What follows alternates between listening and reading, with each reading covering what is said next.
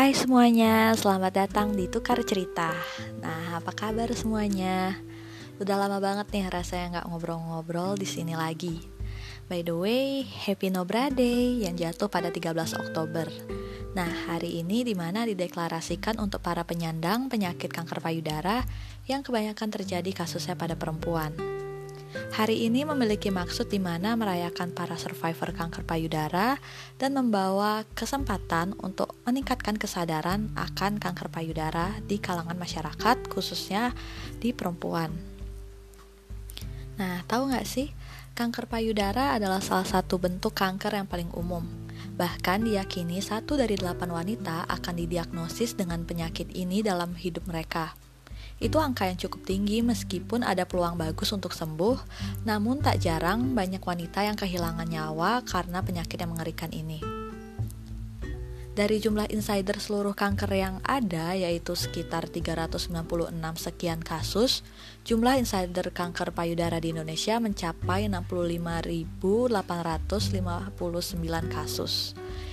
Nah, dengan angka yang cukup tinggi, maka dari itu pentingnya kesadaran lebih awal akan adanya penyakit ini agar mendapatkan penang penanganan lebih dulu sehingga penting nih untuk kita para wanita untuk rajin untuk rajin mengecek secara rutin dan berkala. Pengecekan secara rutin ini penting banget dilakuin selain dapat mendeteksi penyakit kanker nih. Nah, dapat juga untuk mengetahui nih ada penyakit-penyakit lainnya yang ada di yang bisa ada di payudara. Nah, bahasan kali ini tuh agak sedikit berbeda dari episode-episode sebelumnya karena di sini uh, secara total aku yang akan bercerita dari sisi ceritaku. Nah, di sini aku bakal sharing tentang satu penyakit yang dinamakan FAM. Nah, di sini aku mau ngejelasin kalau ini berdasarkan pengalaman aku dan aku bukan seorang dokter, perawat, bekerja dan belajar pada bidang kesehatan. Nah, di sini itu aku cuman seorang pasien yang pernah mengalami penyakit FAM. Nah, jadi FAM itu apa sih? FAM adalah fibroadenoma mamae yang merupakan salah satu jenis tumor jinak payudara. Nah, kedengarannya sangat serem ya tumor jinak gitu. Nah, penyakit ini tuh sering banget dialamin sama wanita dengan kisaran usia 15 sampai 35 tahun. Nah, tumor ini tuh berukuran biasanya sih berukur, berukuran kecil dengan tekstur padat dan mudah digerakkan. Jadi awalnya aku tahu uh, aku ini punya tumor jinak di dalam tubuhku itu sekitar tahun lalu. Nah, di mana waktu itu cuacanya lagi terik dan panas-panasnya sehingga tuh sehingga aku tuh jadi keringetan. Nah karena keringetan nih jadi pengen buat ngelap keringet nah aku ambil tisu nih sambil ngelap-ngelap bagian tubuhku yang yang keringetan. Nah salah satunya di bagian payudara. Nah saat aku ngelap di bagian payudara nih ada terasa benjolan dalam payudara kanan yang berukuran seperti kelereng dan mudah digerakkan. Saat itu aku sadar ke uh, apa sih itu kelereng yang di dalam payudaraku itu uh, tidak sakit saat dipegang. Nah, waktu itu aku langsung cerminan nih tanpa busana dan tidak terlihat benjolan apa pun. Nah, jadi uh, benjolannya ini cuma bisa dirasakan da atau diraba secara langsung, bukan dari uh, dilihat secara fisik gitu.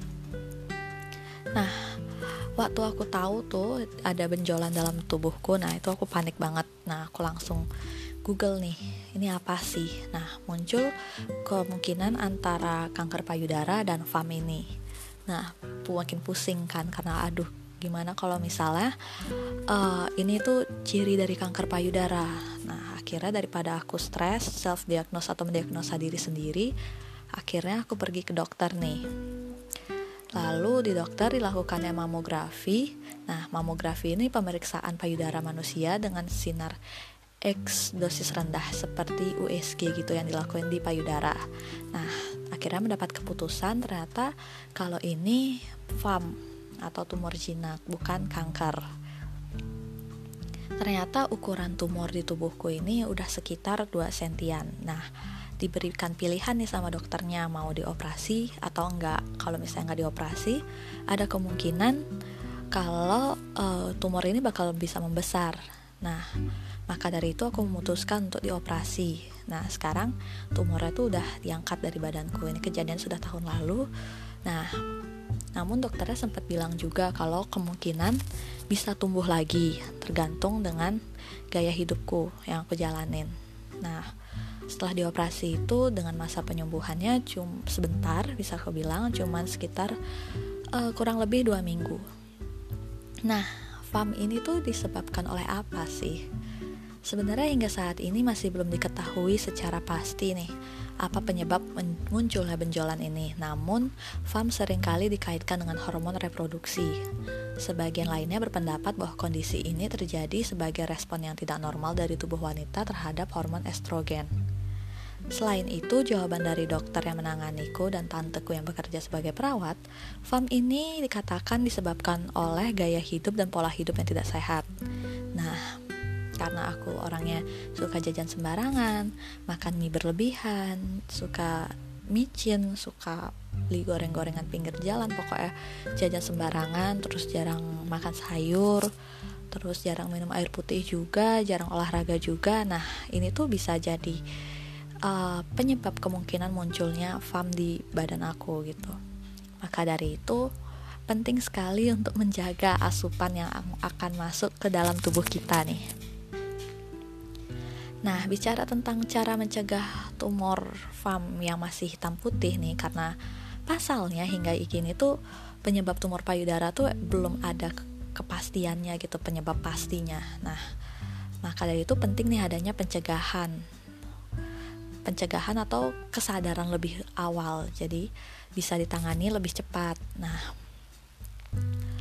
uh, kamu bisa lakuin nih untuk mengetahui apa yang terjadi di perubahan pada payudaramu itu dengan pemeriksaan payudara. Nah, uh, pada wanita yang menginjak usia 20 tahun itu dianjurkan melakukan pemeriksaan payudara setidaknya 1 sampai 3 tahun sekali.